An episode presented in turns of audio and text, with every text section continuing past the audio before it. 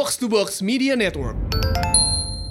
Ngomongin kemarin tentang pekerjaan apa aja yang dibutuhin di 2021 ya kan.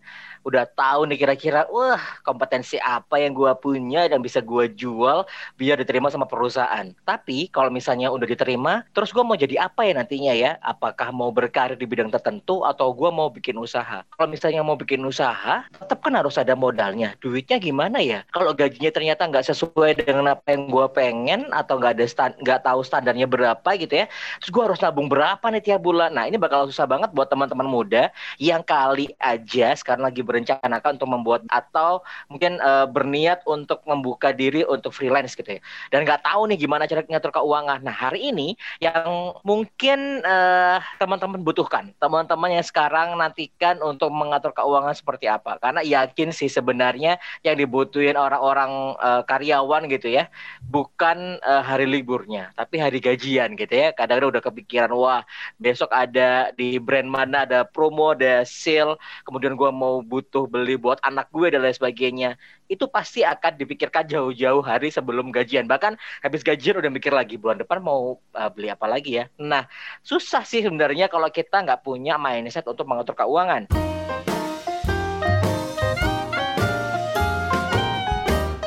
HRD Bandung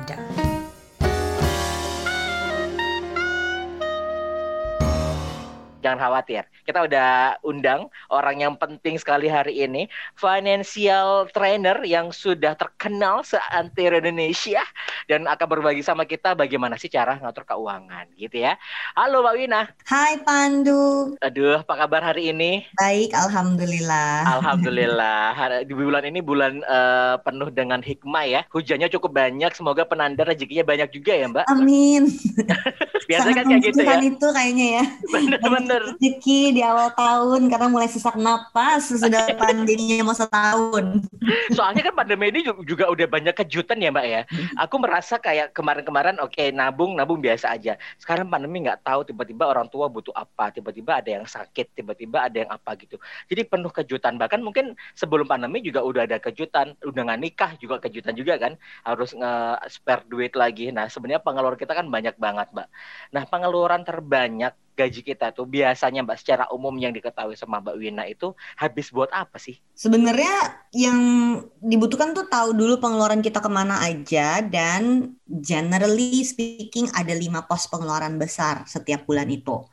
Um, itu terbagi menjadi pengeluaran yang gue sebut sebagai pengeluaran cara hidup, yang satu lagi adalah pengeluaran gaya hidup. Nah, setiap pengeluaran cara hidup itu adalah yang harus keluar, jadi cicilan utang, terus ada pengeluaran rutinnya untuk operasional kayak listrik kalau yang masih pada kos-kosan bayar kos-kosannya. Um, kemudian makan gitu ya uh, transportasi uh, what gets you going basically. Nah, kemudian ada pengeluaran nabung kita yang rutin banget nih um, menyisihkan buat masa depan, nabung atau investasi. Lalu ada pengeluaran charity, pengeluaran sosial. Kalau yang muslim ada zakat infak sedekah, kalau yang Kristen ada perpuluhan dan lain-lain.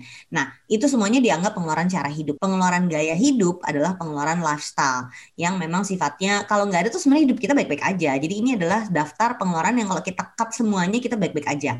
TV kalau dikat nggak masalah, internet kalau dikat nggak kuat gue. Bener-bener. Iya kan? Nah, ya, cara membedakannya gitu. Bisa nggak gue matiin cable TV? Hmm, gue kadang-kadang masih suka nyari sih film apa gitu, serial apa. Tapi bisa lah dikat aja cable TV-nya.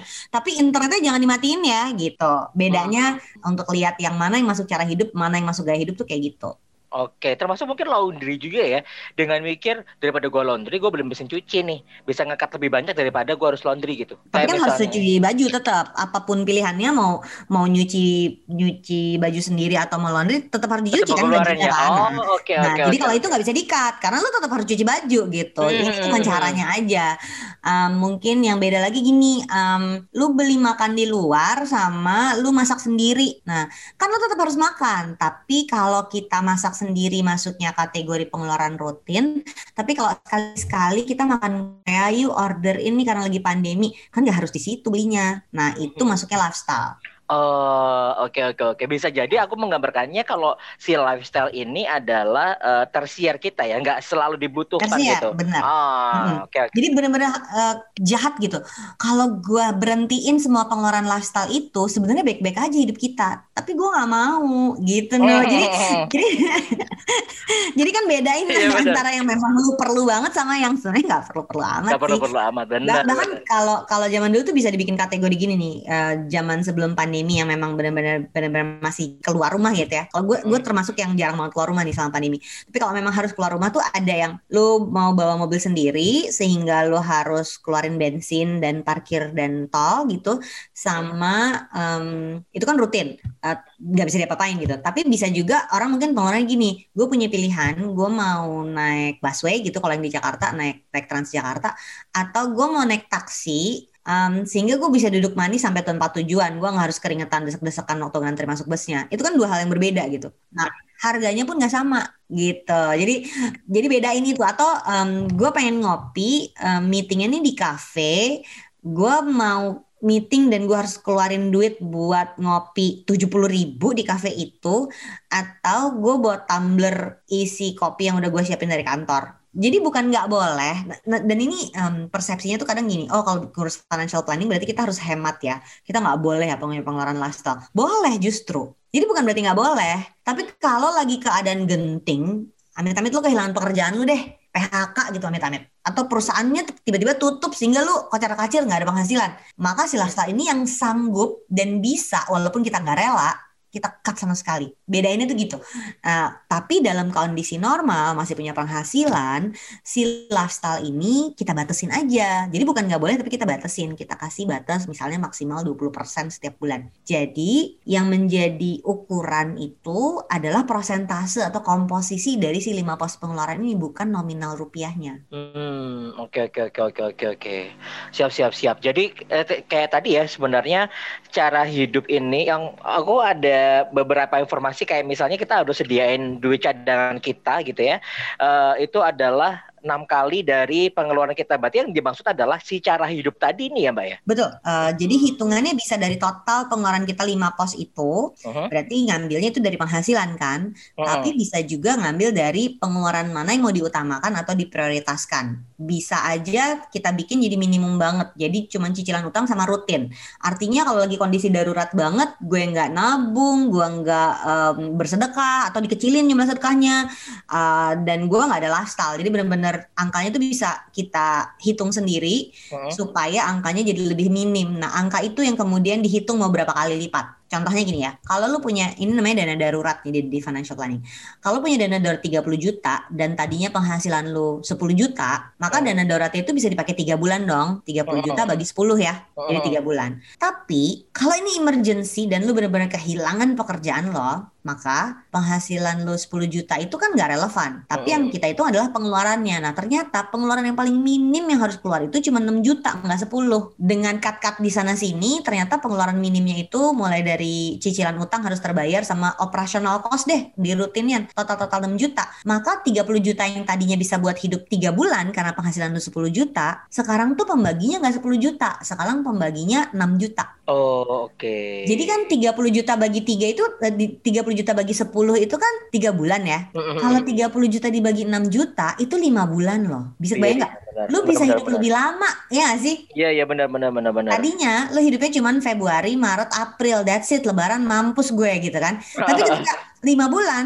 Februari, Maret, April, Mei, Juni, gue aman sampai pertengahan tahun lain kan mindsetnya. Nah ini yang akhirnya jadi personal finance dari personal teori uh, dana darurat harus tiga bulan enam bulan itu bisa kita adaptasi lagi ke hidup kita, kita adjust lagi angka-angkanya gitu. Sesuai dengan kebutuhan kita ya.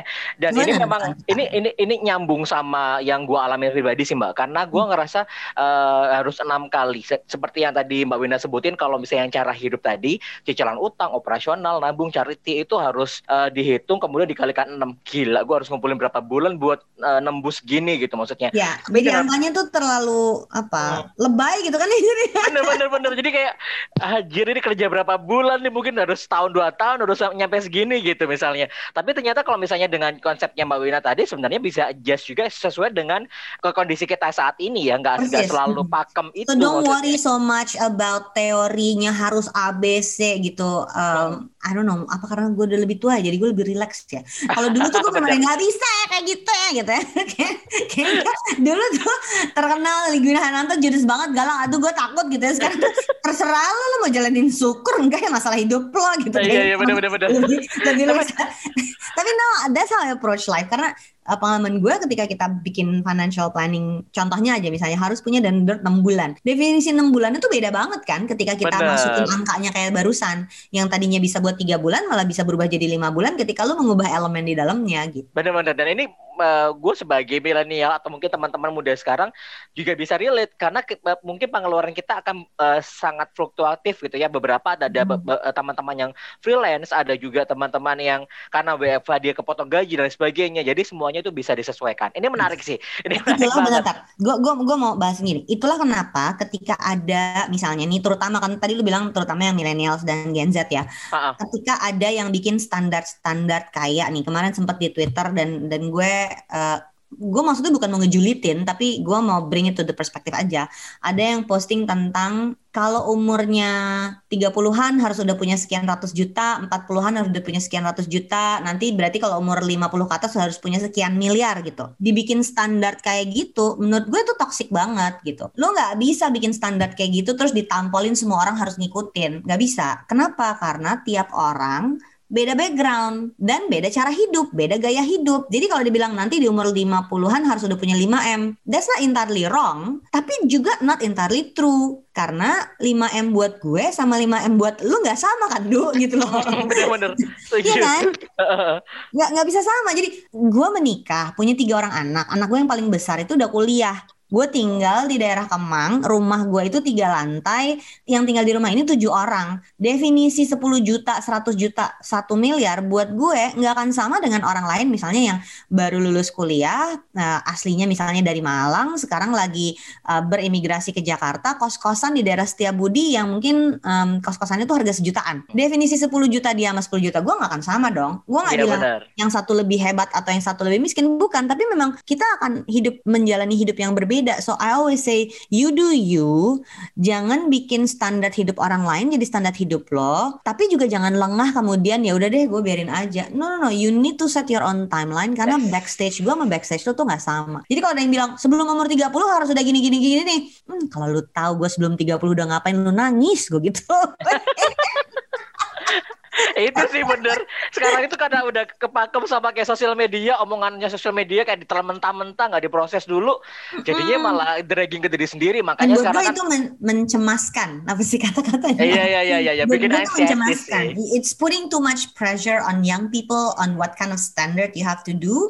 Dan itu nggak perlu Uh, tapi jadinya berhenti mengasihani diri sendiri juga gitu. Ya lu tentuin lu maunya apa. Kalau gue kasih tahu gue sama laki gue sebelum umur 30 udah ngapain aja lu nangis punya standar itu. Dan menurut gue itu nggak perlu karena tiap orang boleh punya standar sendiri. masing-masing bener. Waduh setuju banget sih ini Aduh, bagus banget deh. Kayaknya memang penting banget lo dengerin podcast ini sampai akhir nih guys. Oke, okay, kita udah ngomongin tentang uh, bagaimana cara kita membedakan antara cara hidup sama gaya hidup. Terus kita uh, bikin standar kita sendiri nggak nyamain sama orang lain. Uh, sebenarnya uh, kalau yang gue pernah dapat di ilmu keuangan, cara kita mendapatkan uang lebih itu ada dua um, kita bisa nambah dari pekerjaan lain atau uh, dari sumber yang lainnya atau kita ngempat nih keuangan kita gitu kan Mbak Win? Ya, gue selalu tim yang jadi jadi gue pernah diajak sama tim box to box ikut podcast sama cewek-cewek gitu. Terus mereka bikin kayak quiz dan gue harus menjawab dengan cepat. Jadi pas ditanya uh, being a financial trainer gitu kan asumsinya gue termasuk orang yang senang berhemat. Dan memang sih gue sering kayak gagal belanja gitu. Mau mau boros terus nggak bisa. Duitnya udah ada aja suka nggak kejadian gitu mau boros gitu. Emang emang gue hmm. orangnya kayak gitu. Uh, tapi ketika di quiz itu ditanya mbak Wina tim yang mana? Yang menambah penghasilan atau mengurangi pengeluaran itu gue langsung lompat nambah penghasilan. Kenapa deh it's fun gitu gak sih? Ya kan? Kalau disuruh hemat-hemat-hemat tuh kayaknya hmm, beda Iya, aura gitu bener. tau gak sih? Um, Iya, iya benar. jadi buat gue proses menghasilkan uang itu fun, hustling itu fun, uh, punya ide kreasi baru itu fun, punya produk baru yang bisa dijual itu fun, karir lu meningkat itu fun, dan harus motong-motong pengeluaran tuh menyebalkan. Menurut gue tuh begitu. Aduh, Uh, sih tapi gue juga termasuk orang yang sometimes too realistic juga. Jadi, um, di- jadi misalnya gini, um, ketika ada yang berpenghasilannya suami istri penghasilannya 6 juta dan mereka bilang gimana ya mbak gue pengen beli mobil. Maka reaksi gue tuh langsung. Nggak gue pikirin langsung. Nggak mau pakai motor dulu. Gitu. terus dia tersinggung ya. Ya Allah tega banget ya gue ngomong gitu. Dia tersinggung. Emang menurut mbak kami nggak pantas punya mobil. Dia langsung gitu. Terus gue bilang kalau cicilan mobil itu 3 juta, berarti penghasilan lu tuh harus 10 dulu. Kalau penghasilan lu 6 juta berdua, untuk bayar kos aja udah berapa, untuk makan gimana? Kalau lu pakai untuk beli mobil cicilannya 3 juta sebulan, lu ngisi bensinnya aja pakai apa? Pakai daun gitu. Of course I didn't say, gue gak ngomong gitu, tapi logika berpikir tuh kayak keluar ya? gitu. Mulai kan julid kan langsung Iya, kan bener. kesenangannya. Tapi tapi jadi gue tidak suka disuruh motong pengeluaran, gue lebih suka meningkatkan penghasilan. At the same time, gue percaya sama being realistic. Jadi gue percaya tuh gini, gue suka nanya gini ke diri gue sendiri dan ke orang-orang sekitar gue. Apakah kita sudah hidup di gaya hidup yang memang sudah pantas untuk kita nikmati? Jadi kayak lu tuh beli kopi harga 70 ribu, gaji lu berapa, lu emang sanggup maintain ini? Gitu loh. Um, bukannya nggak boleh, tapi kan lu mesti ngecek juga apakah side priorities lu tuh udah cocok. Karena ketika nanti lu nggak bisa bayar kos-kosan lu, ketika nanti lu nggak punya tabungan buat masa tua lu, ketika suatu hari lu nggak bisa beli rumah, itu masalah hidup lu loh, bukan masalah hidup gue. Kayak gitu loh. Jadi apa ya? Jadi artinya gue lebih suka apa yang kita udah dapat, kita tuh bergerak di pengeluaran kita berdasarkan apa yang kita udah dapat. Jadi jangan halu gitu loh. Dan gue merasa banyak masalah keuangan itu gara-gara orang tuh halu. Si yang gajinya 3 juta pengen gaya hidup si 10 juta, si yang gaji 10 juta pengen gaya hidup yang 30 juta, si yang gaji 30 juta pengen gaya hidup yang udah 100 juta, yang gayanya 100 juta tuh anteng banget, nggak banyak cincong. Kan gawat kalau kita cara hidupnya begitu. Bener, bener, bener, bener. Mungkin karena melihat kanan kirinya ngerasa lebih wah daripada dia sendiri, akhirnya dia terpacu untuk mendapatkan lebih. Tapi bukan bukan bekerja keras, akhirnya malah menunjukkannya dari belanjanya, dari pengeluarannya gitu ya, Mbak ya. Ya, dan ini kayaknya memang bagian dari uh, psikologis manusianya ya. Kita biasa sekarang ini terutama terbiasa sama instant reward. Oh ya udah, kalau gitu gue mau itu sekarang nggak mau nunggu gitu loh. Uh, misalnya ya, gue ketemu anak muda yang ngomong gini, gila gue mau beli rumah harganya satu setengah m, kapan nyampainya? Ya tunggu dong, lu kan baru mulai kerja kali, baru juga masuk ke job, ke pekerjaan pertama, lu masa langsung mau beli rumah yang satu setengah m? Reaksi gue tuh kayak gitu. Terus orang tuh kayak lupa ada prosesnya loh. Nah, gue sekarang di Kemang, tapi 12 tahun gue tuh tinggal di Cibubur, gue commuting. Sebelum beli rumah di Cibubur, gue ngontrak dulu 2 tahun. Jadi ada prosesnya untuk mencapai itu. Sekarang orang maunya langsung kerja, gue langsung mau rumah yang satu setengah m. Ya kali DP-nya aja kan 500 juta. Lu baru mulai kerja sekarang, lu nggak punya DP 500 juta itu. Issues kayak gini yang menurut gue bagian dari apa ya proses hidup yang besar gitu yang behavioral finance tuh harus dianalisis lagi. Karena Iya, bener-bener. psikologis manusia itu sangat berpengaruh pada cara kita berpikir. Semua instant reward yang kita dapetin itu ternyata mempengaruhi cara kita berpikir cara kita menghadapi hidup. Dan Hmm. itu yang kayaknya mesti dibalikin eh ntar dulu ntar dulu. Lu pernah lihat nggak backstage-nya orang lain tuh kayak apa? Orang tuh nggak dapet tiba-tiba. Dan karena yang kita lihat di sosial media itu akhirnya membanding-bandingkan sama peers terus kita lupa ada backstage-nya. Gue gue pernah bahas nih sama Raditya Dika Mhm. uh, orang-orang yang di media sosialnya bawa mobil level Ferrari gitu ya Mhm. itu di backstage-nya curhat sama gua sama Radit ini belum lunas loh mobilnya tapi ini tuh nggak nongol di nggak nongol di Instagramnya kan Nah, jadi yang dilihat orang tuh itu. Sementara gue sama Radit hadir di backstage-nya orang itu. Dan orang itu terbuka sama kita. Dia juga nggak menyembunyikan sama kita. Dan dan gue respect sama orang itu. Ini belum selesai nih bayarnya nih mbak. Dan lu tahu kan bisnis gue tuh kayak apa sampai gue mampu beli Ferrari. Dia ngomongnya gitu. Tapi Ah. di Instagram itu nggak nongol. Jadi sisi, sisi pencitraan media sosial ini mempengaruhi sudut pandang kita sama pencapaian orang. Dan itu yang menurut gue bahaya. Jadi Semua kita tahu ya. Gimana caranya supaya kita mengurangi kehaluan ini? Gimana Mbak caranya buat oh, kita harus tahu pembagiannya berapa persen gitu bulan atau harus seperti ada apa? ada proses namanya financial check up kalau di financial planning dan itu Hmm. adalah ngisi formulir sih basically ngisi formulir yang isinya adalah daftar harta dan daftar utang kita sama daftar penghasilan dikurangi pengeluaran kita dan kalau gue waktu udah ngisi formulir itu it brings me to the ground jadi tuh gue tuh rasanya kayak lagi main sama unicorn gue lagi main di awan sama unicorn muntah pelangi ketika gue lagi sibuk bercita-cita Hmm. Begitu gua ngisi formulir itu, gua kayak diajak turun lagi ke bumi, memijak tanah dan lihat oh ternyata angkanya segini. Di sini baru gua tahu apakah tanah yang gue pijak itu cukup tinggi mendekati awan atau tidak. Dan itu gue belajar berhenti bohong sama diri sendiri ketika gue lihat oh kemampuan gue tuh segini, oh kemampuan gue tuh segini. Sehingga ketika lingkungan gue nih teman-teman gue si tante-tante jaksel itu pakai tas-tas yang brandednya paling mengkilat dan paling Hmm. mehong, gue bisa ngukur gue mau ikut beli tas mahal itu atau tidak dengan data keuangan gue sendiri. Jadi nggak halu dan merasa gue harus kayak gitu juga gitu. Enggak. Gue juga tertarik tapi gue jadi bisa ngukur sendiri. Oh ya dia mampu itu tapi em, gue enggak. Dan santai aja gitu loh. Oh teman-teman Hmm. gue em, kayak gitu hidupnya gue kayak gini hidupnya. Sementara gue tahu backstage gue, gue kan nggak tahu backstage dia kayak apa. Gue nggak tahu dia bisa kayak gitu tuh karena dia punya duit sendiri apa karena lakinya tajir banget atau apa gitu. Sementara gue tahu data gue kayak apa. Jadi misalnya sederhana gini, ketika gue mau beli satu tas branded yang harganya ini ini random aja ya, 45 Hmm. juta gitu ya. Kalaupun gue ada duitnya, gue tahu gue mau melakukan itu atau tidak ketika gue udah ngecek skala prioritas gue kayak apa. Gue masih harus bayar uang sekolah anak yang lagi kuliah, gue masih harus ada cicilan rumah, rumah gue masih cicil loh. Nah yang kayak gitu-gitu tuh brings me to the ground sehingga gue sadar betul kemampuan gue tuh sebenarnya sampai mana. Dan kalaupun ada duitnya, gue ngecek lagi sama skala prioritas gue udah perlu gue kerjakan apa enggak. Jadi bukan soal ngapain beli tas mahal, ngapain liburan mahal, ngapain enggak enggak. When you have the money, you are free to do whatever you want with your money. Mau itu luxury, mau itu indulgence, tapi nggak halu. Ngerti gak sih maksud gue?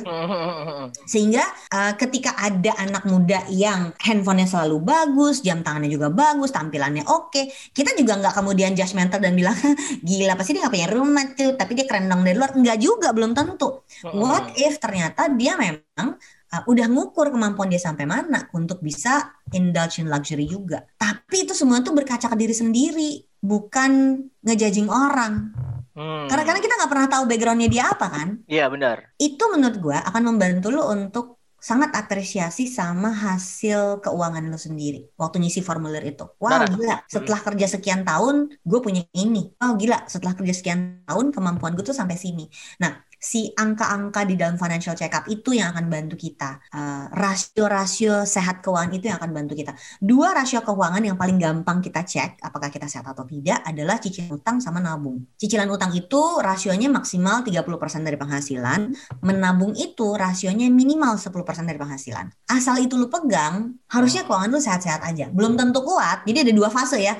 Ada Hmm. fase sehat keuangan, ada fase sehat dan kuat. Nah, paling tidak mulai dari sehat keuangan dulu dengan punya kebiasaan selalu ukur cicilan utangnya nggak melebihi 30% penghasilan dan selalu ukur nabungnya itu minimum 10% dari penghasilan. Dengan kayak gitu harusnya kita akan baik-baik aja. Oke. Nah ini menarik kalau misalnya kita mau nyari tools financial check up. Uh, em, kalau di kelas-kelas financial check up kita bagiin uh, formulirnya yang bisa diisi. Mhm. Uh, di websitenya QM Financial kita lagi nyiapin toolsnya, Uh, tapi harusnya dengan googling aja lu dengan mudah akan dapat. Sekarang juga udah ada aplikasi-aplikasi finansial yang lu bisa nginput-nginput data keuangan lu dan keluar uh, toolsnya seperti itu. Tapi gue nggak oke, hafal oke. ya ada apa aja. Oke, oke. Kalau teman-teman mungkin uh, pengen tahu ya, maksudnya kan ini mungkin gampang dicari tapi dipahami oleh orang nggak nggak semuanya paham kan, Mbak. Jadi Mhm. mungkin kalau teman-teman pengen tahu juga bisa tadi ngikutin Mbak Wina juga ya, atau follow Instagramnya Mbak Wina aja. Di sana Ada informasi untuk Instagram kantor gue di QM underscore financial, QM Mm-hmm. Quantum Magna,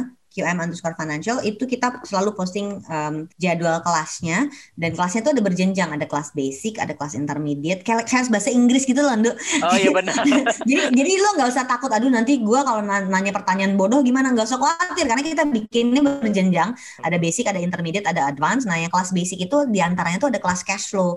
Nah kelas cash flow itu akan bahas financial check up ini dengan lebih detail. Nah, itu banget teman-teman ya. Lo harus ngecekin dulu biar lo nggak kebawa terus sama kehidupan orang lain, biar lo sendiri gitu loh. iya bener. Kan Jangan kasihan juga gitu. sama kehidupan orang lain. Yes, yes, yes. Apalagi sekarang kan, kalau kita lihat sekarang trennya itu banyak orang-orang yang anak muda tiba-tiba main saham. Pengennya dia cepat ya, cari uang arisan ibunya dipakai dan lain sebagainya. Endingnya uangnya raib. Nah itu kayak gimana mbak kalau ngelihat sekarang? Gini, you are responsible for your own finances. Itu dulu. Sehingga lu nggak kayak kerbau dicocok hidungnya untuk menjeblos ke mana-mana. Ini duit lo, lu yang menentukan.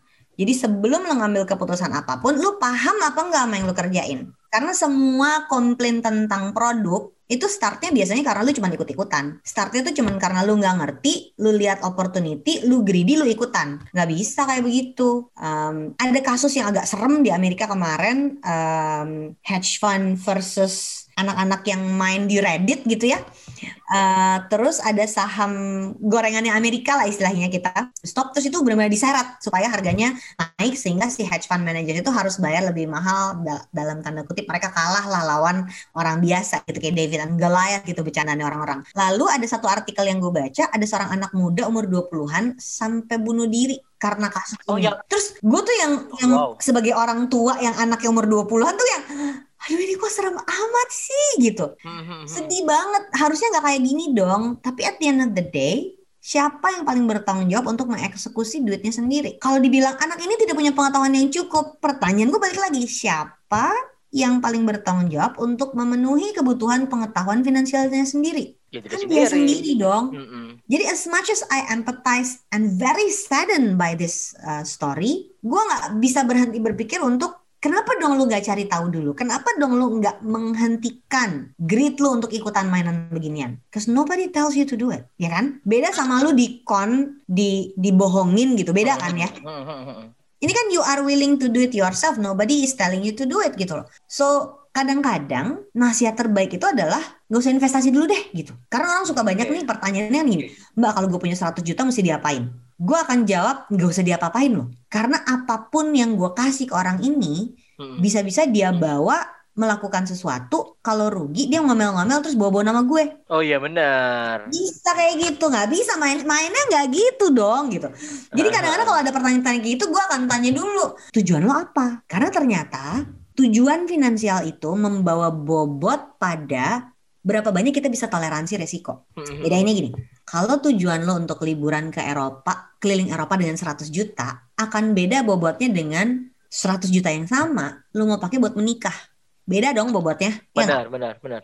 maka toleransi resikonya akan berbeda. 100 juta belum nyampe untuk pergi ke Eropa. Hajarlah produk yang agak beresiko tinggi nggak apa-apa. Kalau minus gimana? Ya udah nggak jadi ke Eropa, kita ke Jepang aja, gitu kan? Tapi kalau 100 jutanya nggak nyampe, pada lu mau menikah, masa nggak jadi nikah? Sehingga jangan fokus ke produk, coba fokus ke tujuan finansialnya. Ketika lu fokus ke produk, si manusia yang cenderung serakah ini akan cari return lebih tinggi lagi, return lebih tinggi lagi, return lebih tinggi lagi. Tapi kalau lu fokusnya ke produk, lu akan kalau lu fokusnya ke tujuan finansial, kalau lu fokusnya ke produk, lu akan fokus ke return. Kalau lu fokusnya ke tujuan finansial, lu akan fokus ke udah nyampe apa belum nih. Jadi kalau targetnya 100 juta, begitu nyampe 100 lu berhenti. Lu tahu kapan berhenti. Investasi itu ternyata perlu tahu kapan berhenti. Dan ini yang paling bahaya ya nggak sih? Iya benar, benar. Lu nggak tahu kapan berhenti. Jadi ketika, wih sahamnya bisa naik 20%, gue mau ikutan. Lu mau berhenti di angka berapa? Hmm, Ketika jadi 25% lu terus pohon ikut. Ketika naik 30% lu pengen ikut terus. Iya. Ketika duit lu, lu cuma masukin 100 ribu naik jadi 200 ribu. Lu mikir dong kalau gue masukin sejuta jadi 2 juta nih. Lu tambahin kan? So you don't know when to stop. Kalau lu nggak tahu kapan harus berhenti, greed takes over. Ini sebenarnya yang paling bahaya waktu lo investasi. Nah, kan nggak bisa magerin greed tuh susah. Jadi salah satu-satunya cara adalah kita dalam tanda kutip manipulasi otak kita dengan bikin limitasinya pakai tujuan. Kalau tujuannya jelas, angkanya berapa, duitnya buat apa, lu akan berhenti untuk sibuk cari return paling tinggi. Oke. Cuman itu yang bisa gue kerjain untuk menghalau kita dari, eh gue pengen ikutan ini, gue pengen ikutan itu karena itu nggak bisa dihentikan. Buat gue Hmm. orang nyobain saham itu bagus, orang nyobain produk-produk investasi itu bagus. Yang gue nggak bisa hentikan itu adalah si gritnya. Jadi mari batasi diri kita pakai tujuan finansial. finansial itu tadi. Oke Mbak, terakhir nih. Ini sebelum kita closing, aku penasaran juga. Teman-teman muda sekarang kan agak banyak dari hasil riset itu banyak yang nggak tahu nih tujuan finansialnya apa. Boleh nggak dikasih satu contoh untuk tujuan finansial tuh gam- gambarannya bikinnya kayak gimana sih? Karena kita tuh, eh, oh iya tujuan finansial kita harus bikin. Terus kita terdiam gitu. Gimana sih bikin tujuan finansial? Apalagi kayak apalagi kan sih? masih muda, masih belum Mm-mm. mendefinisikan hidup, disuruh menentukan tujuan finansial itu kan kayak Yes. awang-awang banget ya gitu. Benar. Kalau yang udah menikah, udah punya anak, jelas kan tujuan finansialnya ini anak harus sekolah gitu kan jelas. Yes, yes, yes, Uh, benar. biasanya kalau umur udah di atas 35 tuh ngomongin pensiun itu udah ajak banget. Oh ya, gue bener harus nyiapin tujuan pensiun. Tapi ketika lu baru lulus kuliah, baru mulai kerja, umurnya 20-an, ngomongin tujuan finansial tuh it's so far away. Maka biasanya gue, ini ini tekniknya tuh gini, menentukan tujuan finansial tuh ada tiga elemen. Ada judulnya, ada nilai rupiahnya, dan ada jangka waktunya. Sehingga kalau lo mau nentuin tujuan finansial, biasanya untuk anak-anak yang masih muda-muda ini, gue bikin lo pilih dua tujuan deh, gue bilang. Satu tujuan yang klasik textbook, yang satu tujuan hore-hore, gue bilang gitu. Si tujuan klasik textbook itu biasanya dana darurat dulu, yang tadi kita bahas, 30 juta itu bisa jadi buat berapa bulan. Atau satu tujuan yang maha penting kayak dana menikah, dana DP rumah, yang kayaknya itu adulting banget gitu ya. Tapi you know it's important, tapi kayaknya nggak menarik gitu, jiwa lu nggak terpanggil. Lu kebayang sih, baru lulus kuliah, mulai kerja, suruh bikin dana DP rumah, kan nggak terpanggil gitu loh, tau gak sih? Nah, jadi pilih satu tujuan yang klasik textbook atau very adulting gitu namanya dana darurat atau dana DP rumah atau dana menikah. Lalu on the side pilih satu tujuan yang hore banget. Yang yang lucu-lucu yang kayak mau ganti handphone yang terbaru, mau begitu menurut lu udah aman, lu udah vaksinasi, gua sewa bot Labuan Bajo misalnya misalnya ya Ya, ya. atau gue berangkat ke Jepang deh atau Eropa jadi nih gitu. Jadi ada dua tujuan finansial, yang satu hore banget, yang satu yang very serious dan very adult like classic textbook. Itu lu jalanin dua-duanya dan lu lihat ketika tujuan itu terkumpul sedikit demi sedikit lama-lama menjadi bukit, yang serius itu bikin lo, eh gue punya lo, yang hore-hore itu bikin lo hore gue akan mencapai it. That will sort of help you. Begitu nanti misalnya setahun kemudian, dua tahun kemudian, kebiasaan mengumpulkan yang udah terjadi, you can always change your mind dan mengubah tujuannya. Jadi Hmm. kalau tadinya misalnya mau sewa bot bersama 20 orang teman di Labuan Bajo, gue traktir semuanya gitu ya. Begitu Hmm. dua tahun kemudian, hmm, kayaknya ada tujuan yang lebih menarik daripada itu. Misalnya. Tapi lu kerjain dua-duanya, dan sambil berjalannya waktu, hidup lu akan berubah, cara lu memandang hidup juga akan berubah, tujuan finansialnya tinggal direvisi. Tapi kebiasaan ngumpul ini udah terjadi. Karena gue sering banget kalau kalau ditawarin punya dana DP rumah, gue mau di rumah nyokap gue aja deh kayaknya sampai tua gitu. Ada yang komentarnya kayak gitu. Wow. Karena buat dia, buat dia beli rumah itu menakutkan gitu loh. Maka yang kayak gitu, gue ajak bikin dana liburan dulu, dua tahun kemudian baru dia ternyata dana liburannya yang udah terkumpul itu dia nggak jadi liburan, dia jadiin DP rumah. Ada yang kayak gitu, Duh. Jadi don't be afraid to explore dan supaya lu nggak takut kita kita dimanipulasi kepala kita dengan dana liburan aja deh gitu. Padahal mungkin dua tahun lagi akan jadi DP rumah. akan berubah lagi benar-benar juga sih ya. Iya. Jadi sebenarnya kalau kita bikin tujuan eh, finansial nggak cuma satu ya, boleh Banyak. banyak tujuan eh, finansial. Cuma tadi dicontohkannya dua teman-teman. Jadi lu sendiri yang harus tentuin hidup lu bakal kayak gimana. Tapi paling nggak dari gambaran podcast kita kali ini, semoga ini bisa bikin lo jadi ngebuka pandangan bahwa nggak semuanya teori-teori itu saklek, nggak semua semuanya itu harus ngikutin orang lain juga gitu. Dan ketika lo menemukan sesuatu, lo bisa pastiin lagi. Apalagi kalau misalnya bisa ikutin kelas dari eh, QM ya. Jadi Hmm. nanti bisa lebih detail lagi, lo bisa melihat, mengukur diri lo akan seperti apa. Thank you banget Mbak Wina waktunya. Sama-sama, my pleasure. Stay Yes, healthy. Mungkin stay kita bisa ngomongin lain ya nanti ya di Yes. lain waktu. Oke, siap. Thank you banget Mbak. Sehat-sehat selalu. Makasih. Bye.